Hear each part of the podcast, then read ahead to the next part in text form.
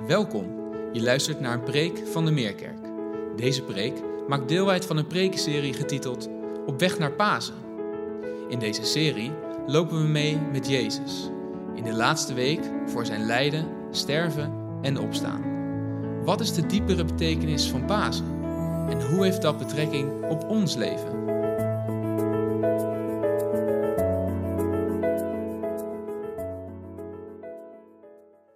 Ja, Patrick kan jullie daar veel meer over vertellen. Nou, ik hoop het. Dank uh, Lisanne voor uh, wat doe je het goed, geweldig. Dank uh, Nicoline ook voor wat je allemaal deelde. Dank voor de band, voor alle muziek die jullie laten horen, ook vandaag weer. We zijn uit onze negendelige prekenserie gekomen, de vrucht van de geest. Daar hebben we de afgelopen negen weken over nagedacht en bij stilgestaan aan de hand van één Bijbelgedeelte uit Galaten, hoofdstuk 5. En we starten vandaag een nieuw Bijbelgedeelte, een vijfdelige prekenserie genaamd, genaamd Op weg naar Pasen. En we zullen merken dat deze twee prekenseries niet op zichzelf staan. Sterker nog, ze liggen in elkaars verlengde. Het is een hele bijzondere overgang. Afgelopen week hebben we onze eigen predikant Wichele Tamboer gehoord over de laatste deel van eh, de vrucht van de geest, over zelfbeheersing. Nou, precies nu in onze 40 dagen tijd waarin we ons momenteel bevinden, de 40 dagen vaste tijd, is zelfbeheersing natuurlijk iets wat heel erg belangrijk is. De zelfbeheersing om juist af te zien van bepaalde dingen, om meer en meer te kunnen focussen op God zelf. Uh, nou, ik hoop en bid dat jouw 40 dagen tijd ook precies datgene zal geven. Dat je meer gefocust mag zijn op God zelf. En een periode van 40 dagen, ook de 40 dagen tijd waarin wij zitten, die is heel belangrijk en die zien we veel vaker terugkomen in de Bijbel. Het zijn periodes waarin mensen in 40 dagen God intens zoeken en Hem ook vinden. We zien bijvoorbeeld Noach die na de zonsvloed 40 dagen in zijn boot wachtte voordat hij eruit ging. Eh, we lezen van Mozes dat hij 40 dagen op de berg met God doorbracht om uiteindelijk de tien geboden mee te krijgen. Elia die 40 dagen door de woestijn heen trok om uiteindelijk bij de berg Horeb, de berg van God, uit te komen. En Jezus zelf misschien wel het mooiste voorbeeld in dit alles, die 40 dagen in de woestijn doorbracht waar hij beproefd werd door de duivel. En elke keer weer dus die periode van 40 dagen waarin we uh, God zoeken en ook vinden. Want dit juist, dat zoeken naar God, dat is de vorming van de vrucht van de geest in ons leven. Uh, en eigenlijk gaan we dus door waar we gebleven waren. Met het oog gericht op Jeruzalem. Met het oog gericht op Jeruzalem. Daar waar Jezus zijn laatste week hier op aarde inging. En daar staan we bij stil. Een verhaal beter bekend als Palmpasen. Startend met de intocht van Jezus in Jeruzalem. En we gaan de komende weken proberen we in Jezus voetsporen te treden. Om iets meer te begrijpen van de lijdensweg die Jezus is gegaan. Ook voor jou en voor mij. We proberen iets meer daarvan te begrijpen. En ik hoop dus daarom juist dat die 40 dagen tijd waarin we zitten, dat dat een 40 dagen zullen zijn van God intens zoeken, opdat Hij zal geven wat wij ten diepste nodig hebben. Vandaag dus het thema op weg naar Jeruzalem.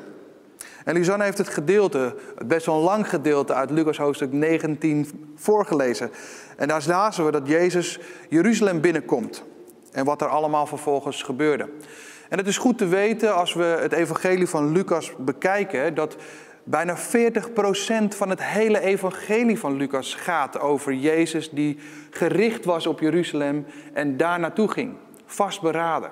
We lezen het al in Lucas hoofdstuk 9. Lucas hoofdstuk 9, vers 51, daar lezen we al. Toen de tijd naderde dat Jezus van de aarde zou worden weggenomen, ging hij vastberaden op weg naar Jeruzalem.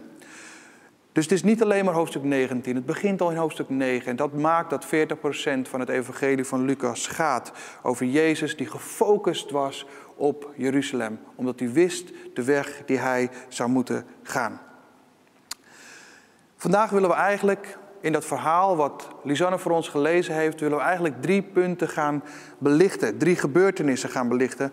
En ik hoop dat het je meer inzicht mag geven over uh, ook wat God mij de afgelopen weken heeft gegeven. En hopelijk hebben we daar allemaal iets aan. Maar we willen starten met een foto. Een foto die eigenlijk laat zien wie jij ten diepste bent.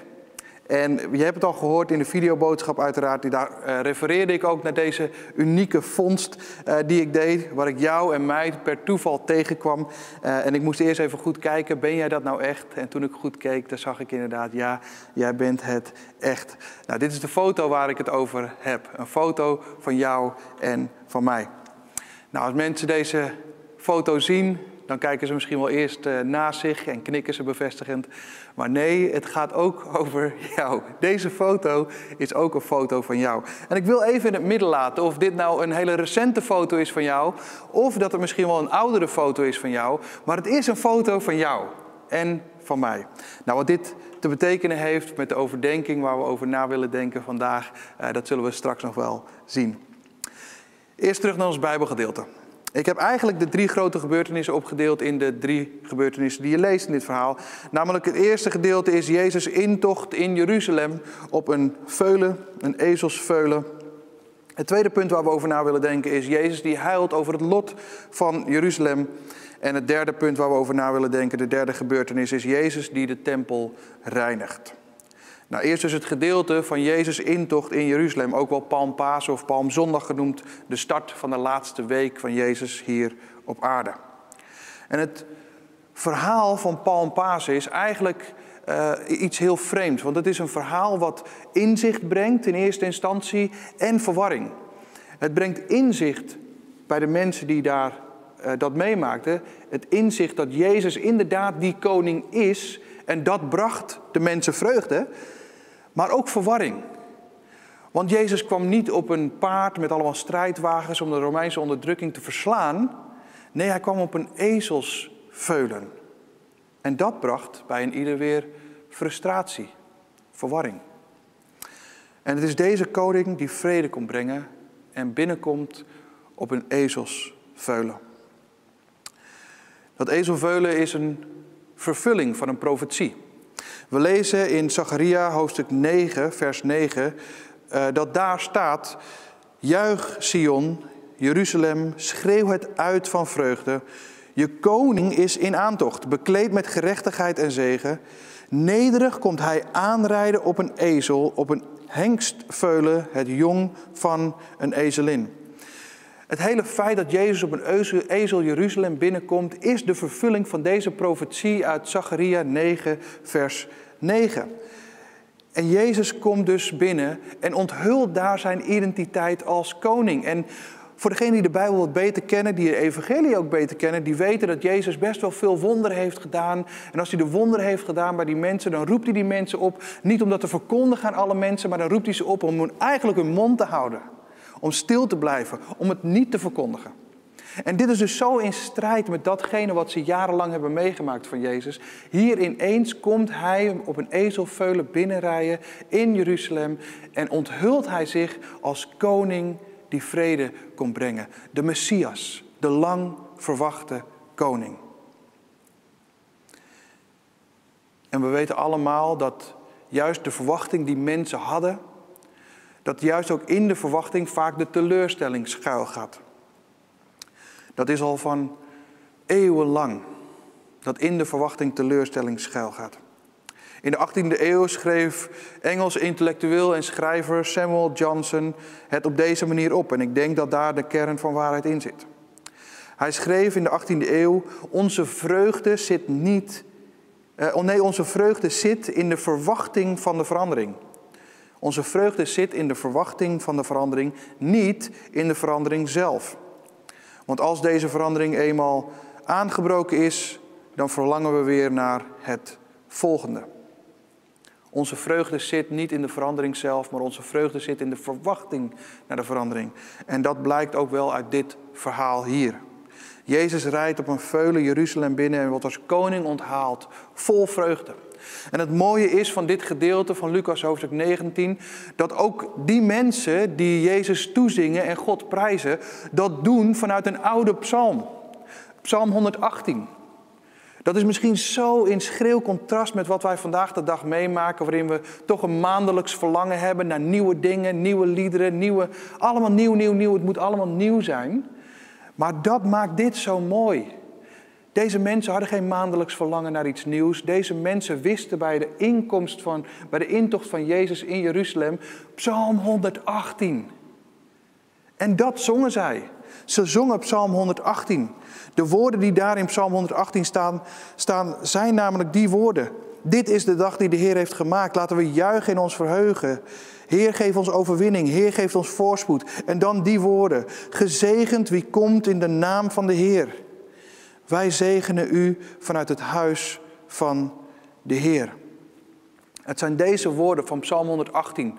Het is niet eens een discussie. Ze weten allemaal gelijk. Psalm 118, dat zijn de woorden die wij moeten zingen, juichen en vol vreugde uit moeten schreeuwen om God te prijzen met die woorden. Niet een maandelijks verlangen naar iets nieuws, maar juist de meerwaarde, inzien van een doorleefde uiting. Een doorleefde uiting van Psalm 118.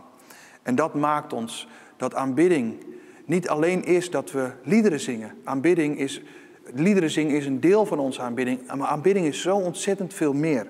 En als we dan kijken, dan zien we, en ik hoop ik dat we dit inzicht hebben met z'n allen, dat het, als we het hebben over aanbidding, dat het niet de manier is waarop wij aanbidden, wat onze aanbidding zo geweldig maakt. Het is niet de manier waarop we aanbidden wat onze aanbidding zo geweldig zou moeten maken. Het is de persoon die we aanbidden wat onze aanbidding zo geweldig zou moeten maken. Ik hoop dat we dit met z'n allen zullen begrijpen, want als we dit niet begrijpen in de kern, dan is onze vreugde ook van korte duur en enorm kwetsbaar. Laten we kijken naar dit verhaal. Ze zingen vol vreugde. Hosanna, red ons. Matthäus, die vertelt dat ze met die woorden zongen. Hosanna, zoon van David, red ons. Maar een week later, en Nicoline noemde het al, een week later zeiden ze iets heel anders. Een week later zeggen ze kruisig hem. Er is een hele dunne scheidslijn tussen Hosanna en kruisig hem. En alles heeft te maken met verwachting. Het zal voor jullie allemaal wel bekend zijn dat wanneer mensen God zoeken, dat dat vaak is in eerste instantie omdat we iets willen wat we nog niet hebben. En dan hopen we dat God daarin kan voorzien. Ik moest wel lachen om een voorbeeld wat ik een tijd geleden meemaakte met iemand die mij belde en eigenlijk een beetje, ja, hoe zeg je dat, een beetje het spoorbijster was. Hij wist niet zo goed mee wat hij moest doen. Hij was zijn baan kwijtgeraakt en hij belde mij op en hij zegt: Patrick, kan je hier langskomen om te bidden. Te bidden dat God voorziet in een baan. Te bidden dat God voorziet. Want ik weet, ik weet het gewoon niet meer. Ik zeg, laten we daar een dag voor afspreken. En de dag naderde. En vlak voordat die dag aanbrak, appte hij mij. Patrick, je hoeft niet meer langs te komen om te bidden, want ik heb al een nieuwe baan. En dat is het misschien wel. Als we niet inzien dat dat in de kern gewoon niet klopt, dat we bidden wanneer we de, de nood hoog is, maar dat als ergens God voorzien heeft, dat we de essentie van gebed niet meer zien dat we dat nodig hebben. Ja, waar zoeken we God dan voor? Ik hoop dat we Hem zullen zoeken in eerste instantie voor wie Hij is. Dat we Jezus zoeken voor wie Hij is en wat Hij heeft gedaan.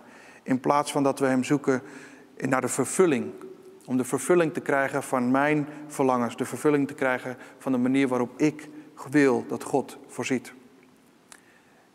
Dat is het eerste punt. Ik hoop dat we Jezus meer en meer zullen gaan zien en zoeken voor wie Hij is en wat Hij heeft gedaan als koning die heerst over onze levens. Het tweede gedeelte waar ik bij stil wil staan is Jezus die huilt over het lot van Jeruzalem. Want, zegt hij, had ook jij maar geweten wat vrede kan brengen. Dit is net als dat verhaal van die ezel, dat Jezus de leerlingen op weg stuurde om die ezel te halen. Ook dit is een voorspelling die ligt in de toekomst. Niet zozeer in de nabije toekomst, maar wel binnen 40 jaar.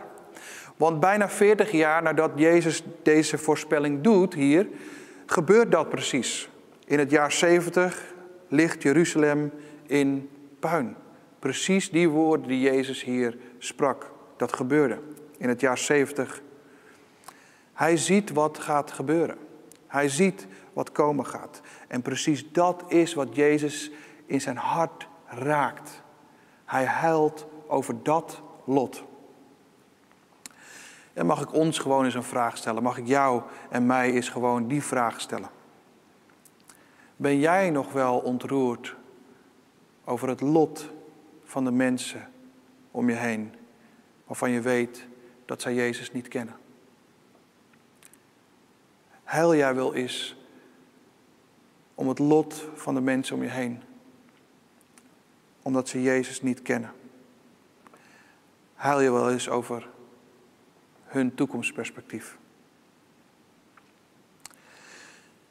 Niet zo lang geleden sprak ik iemand hierover. En zij stelde hele goede vragen met betrekking tot een hemel en een hel. We weten, degenen die de Bijbel een beetje kennen, weten dat het woord hel helemaal niet uit de Bijbel komt. Het is, eigenlijk komt het uit het oergermaanse haljai, wat betekent dodenrijk of onderwereld. Daar komt ons woord hel vandaan. Maar zij had het over hel en hemel. En zij vroeg aan mij een hele goede, herkenbare vraag. Misschien wel een vraag die jou ook wel eens gesteld wordt door iemand die niet gelooft, of misschien juist ook wel gelooft. De vraag is: hoe kan een goede God die liefde is, nu mensen naar de hel sturen? En ik vroeg aan haar: dat is dezelfde vraag als hoe kan een goede God die rechtvaardig is, mensen naar de hemel sturen? Dat is exact dezelfde vraag. En wat nou als ik je zou vertellen dat God niemand naar de hel stuurt, maar dat dat simpelweg een weg is die in ieder van ons loopt door onze eigen zondige natuur. Het is niet God die mensen naar de hel stuurt. Het zijn wijzelf die die weg vanuit onze eigen zondige natuur lopen. En juist omdat God liefde is en rechtvaardig, biedt Hij op dat levenspad allerlei afslagen. Afslagen door geloof en genade in Jezus Christus, om niet die weg te gaan die leidt naar de ondergang. Hij biedt juist vanuit zijn liefde en rechtvaardigheid een weg die leidt naar eeuwig leven. Door geloof en genade in Jezus Christus. En toen ik deze vrouw dit uitlegde, toen was haar volgende vraag, en misschien ook wel een hele logische en terechte. Ze zegt: Oké, dus als je dit zo zegt, dan moet je dus in Jezus geloven om in de hemel te komen. Maar wat als ik dat niet wil?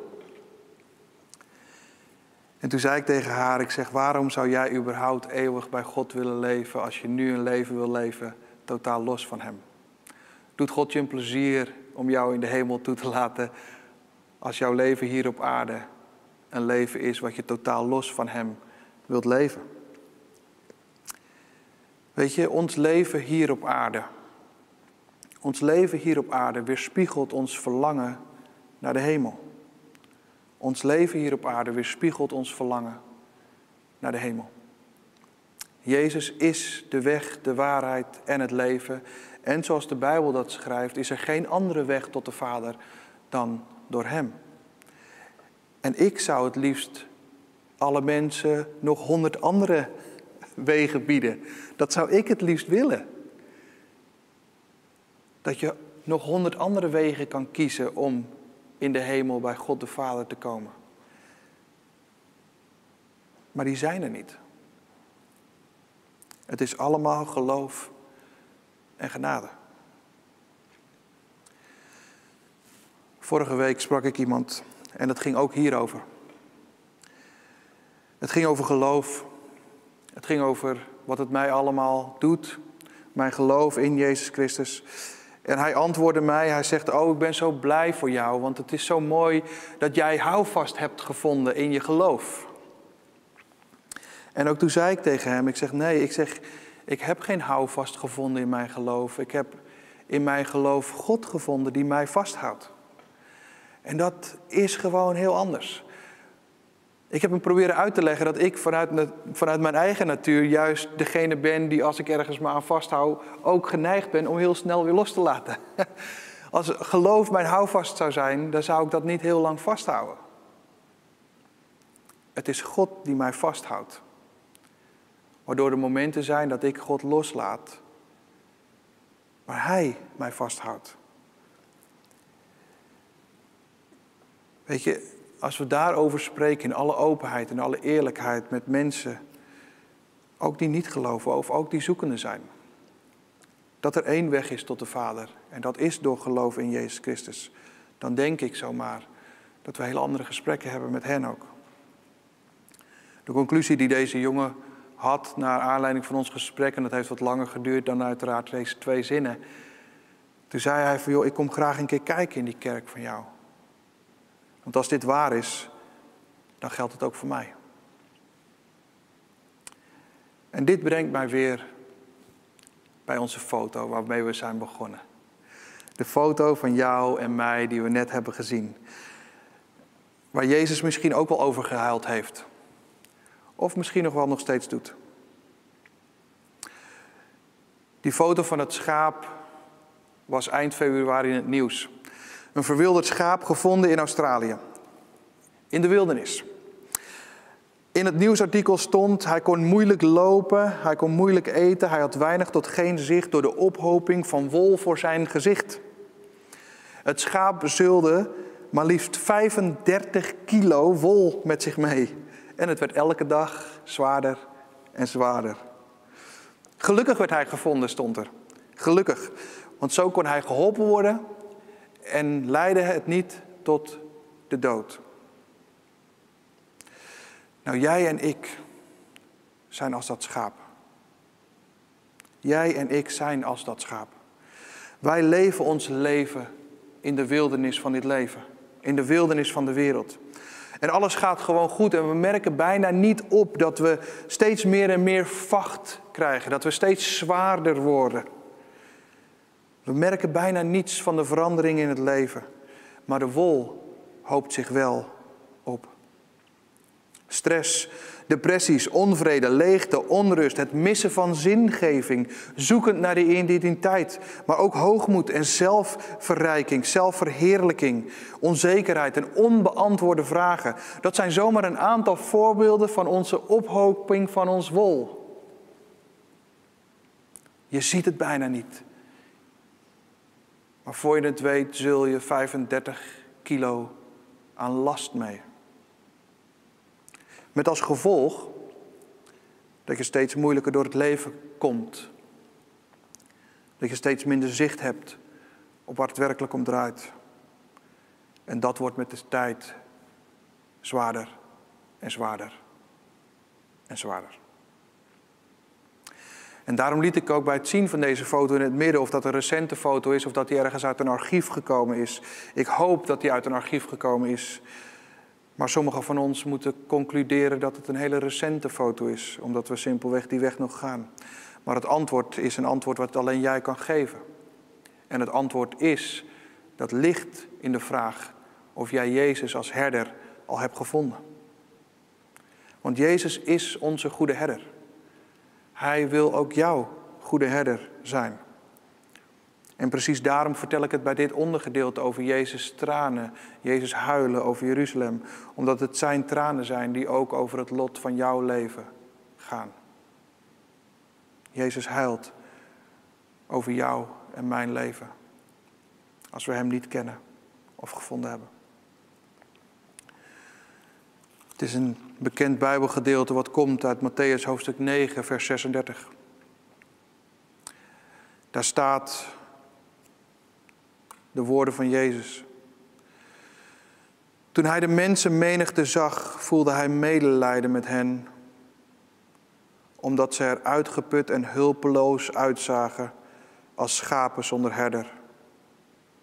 Ook hier weer de medelijden, omdat hij ons ziet, uitgeput en hulpeloos, als schapen zonder herder. Dat maakt dat deze foto van dit schaap een foto is van jou en van mij. Ook jij en ik waren ooit uitgeput en hulpeloos zonder herder. Maar toen we Hem gevonden hadden, heeft Hij ons verzorgd en heeft Hij ons geschoren, zodat we weer kunnen zien en kunnen lopen, zodat we ook weer te eten hebben, omdat Hij het ons geeft en dat we niet meer de weg gaan naar de dood, maar eeuwig leven hebben. Jezus is onze goede herder. Hij huilt over het lot van mensen die Hem niet kennen en erkennen als goede herder. Onlangs was er een onderzoek van de EO onder christenen. En zij vroegen naar hun verwachte kerkgang na coronatijd. En de conclusie was dat bijna 1 op de 5 christenen denkt na corona niet of minder naar de kerk te gaan. Nou, als jij denkt een van die mensen te zijn die na de coronatijd niet of minder naar de kerk wil gaan, dan hoop ik en wil ik je eigenlijk oproepen en waarschuwen. Ga alsjeblieft niet terug de wildernis in. Bedenk goed dat dit schaap wat we zien vroeger ook een kudde had. Het is juist het feit dat hij van die kudde is afgeweken wat hem in nood heeft gebracht. Dat heeft hem zelf doen verwilderen.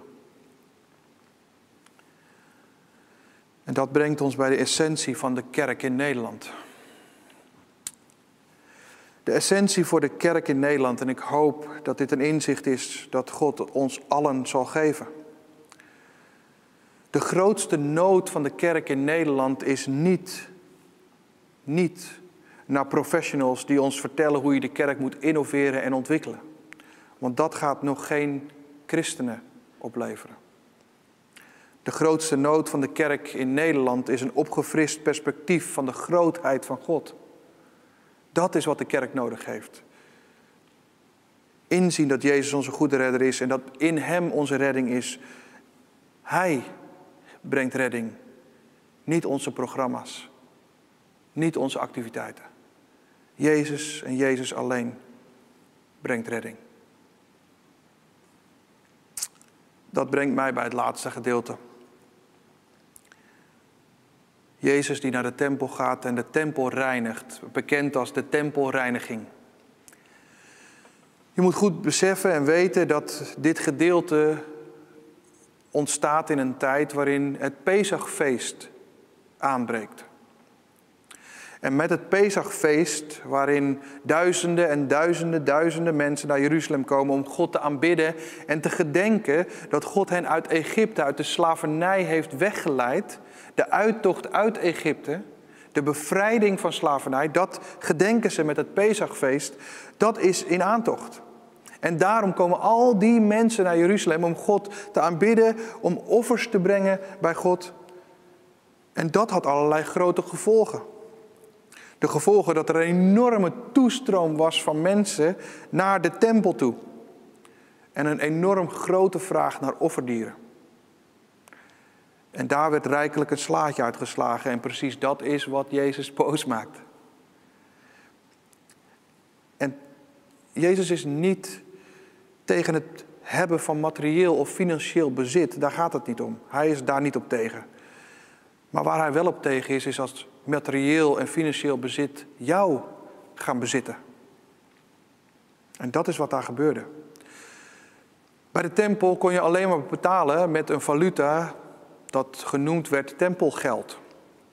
Een aparte valuta, welke mensen zelf niet hadden. Maar zonder deze valuta kon je geen offerdieren kopen. En daarom zaten er geldwisselaars en handelaars. Met een wisselkoers van één, soms twee daglonen. En daar maakten zij dus misbruik van. Ze maakten misbruik van de tempel. Ze maakten misbruik van het feit dat mensen offers wilden brengen aan God. En dat brachten zij naar een eigen gewin. Een financieel en materieel bezit wat hen bezat. En dat maakte Jezus boos. Want het zijn de woorden uit Jezaja die Jezus aanhaalt als hij deze mensen aanspreekt. Woorden uit Jezaja hoofdstuk 56, waar staat: Mijn tempel zal heten huis van gebed voor alle volken. Jezus haalt hier het Oude Testament aan, de woorden van Jezaja aan. Mijn tempel zal heten huis van gebed voor alle volken. Jezus kwam voor alle volken. Jezus kwam voor alle rassen, voor alle leeftijden, voor alle maatschappelijke statussen. Jezus kwam voor alle mensen. Jezus kwam om ook jou en mijn tempel te reinigen. Weet je, het was vrij kort nadat ik zelf tot een persoonlijk geloof gekomen was, dat ik de link maakte tussen dit verhaal uit Lucas 19, de tempelreiniging, en de woorden van Paulus uit 1 Korinthe hoofdstuk 6. Waar Paulus zegt dat ons lichaam een tempel is van de geest, die in ons komt te wonen wanneer we tot geloof komen. Paulus zegt dus, ons lichaam is een tempel van de geest. En dat linkte ik vrijwel direct aan de tempelreiniging van Jezus. Jezus die ook dit lichaam, deze tempel van Gods geest, wil reinigen. Want ons leven en lichaam is niet alleen van buiten een zootje zonder Hem. Ons leven en lichaam is ook van binnen een zootje zonder Hem. Ons leven als Zijn tempel hebben wij van binnen als een rovershol gemaakt. In eerste instantie. Waar wij in eerste instantie bezeten waren. En misschien sommigen van ons nog steeds wel bezeten zijn door wereldse en egocentrische verlangens. Terwijl Hij, de schepper van hemel en aarde, wil in ons komen wonen. En dat vereist een reiniging van onze eigen tempel, van onze eigen egocentrische en wereldse verlangens. Om gefocust te zijn op Hem. En dat maakt dat het alleen maar kan door geloof en genade. Want die Jezus is de koning die vrede kwam brengen. Ook voor jou. Ook voor mij. Laten we bidden.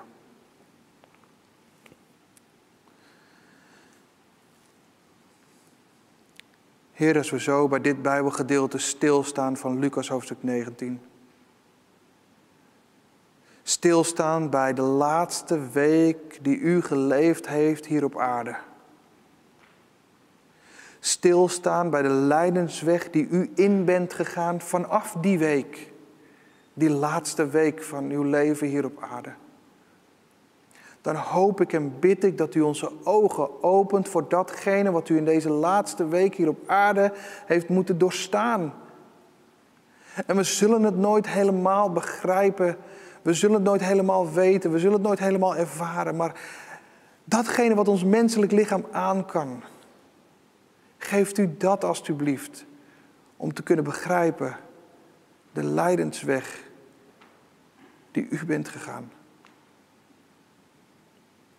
Help ons om in te zien dat u de koning bent die vrede bracht op een ezelsveulen Jeruzalem binnen. Help ons om ontroerd te raken en misschien wel te huilen om het lot van die mensen die we kennen, die u niet kennen, waarvan we weten dat ze een weg gaan die leidt naar een eeuwigheid zonder u. Leer ons alstublieft een hart te krijgen en ontroerd te worden om dat lot. Maar het begint bij onszelf, het begint bij mij. Het begint bij mij. Ik die een rovershol heb gemaakt van mijn leven en lichaam. Ik die moet beseffen dat u in eerste instantie gehuild heeft om mijn lot. Een eeuwigheid zonder u. Maar gelukkig, Heer. Gelukkig. U bent het licht van deze wereld. U scheen in mijn duisternis. Door genade mag ik zien wie u bent. Het is uw liefde die maakt dat ik u wil kennen. Het is uw liefde die maakt dat ik bij u wil zijn. Het is uw liefde die maakt dat ik u wil aanbidden en wil erkennen als mijn Heer, mijn Koning. En ik hoop en ik bid dat in ieder die kijkt En zich misschien wel herkent in de foto van het schaap, omdat ook zij nog steeds leven in die wildernis. Omdat ze u niet hebben gezien, gevonden en hebben erkend als de goede herder. Dan hoop ik dat vandaag, nu, het moment is waarop wij, waarop zij, waarop jij u wel erkent als herder. Want alleen dan nemen we de afslag. De afslag die leidt naar eeuwig leven. Amen. Fijn dat je hebt geluisterd. Voor meer informatie ga naar www.meerkerk.nl.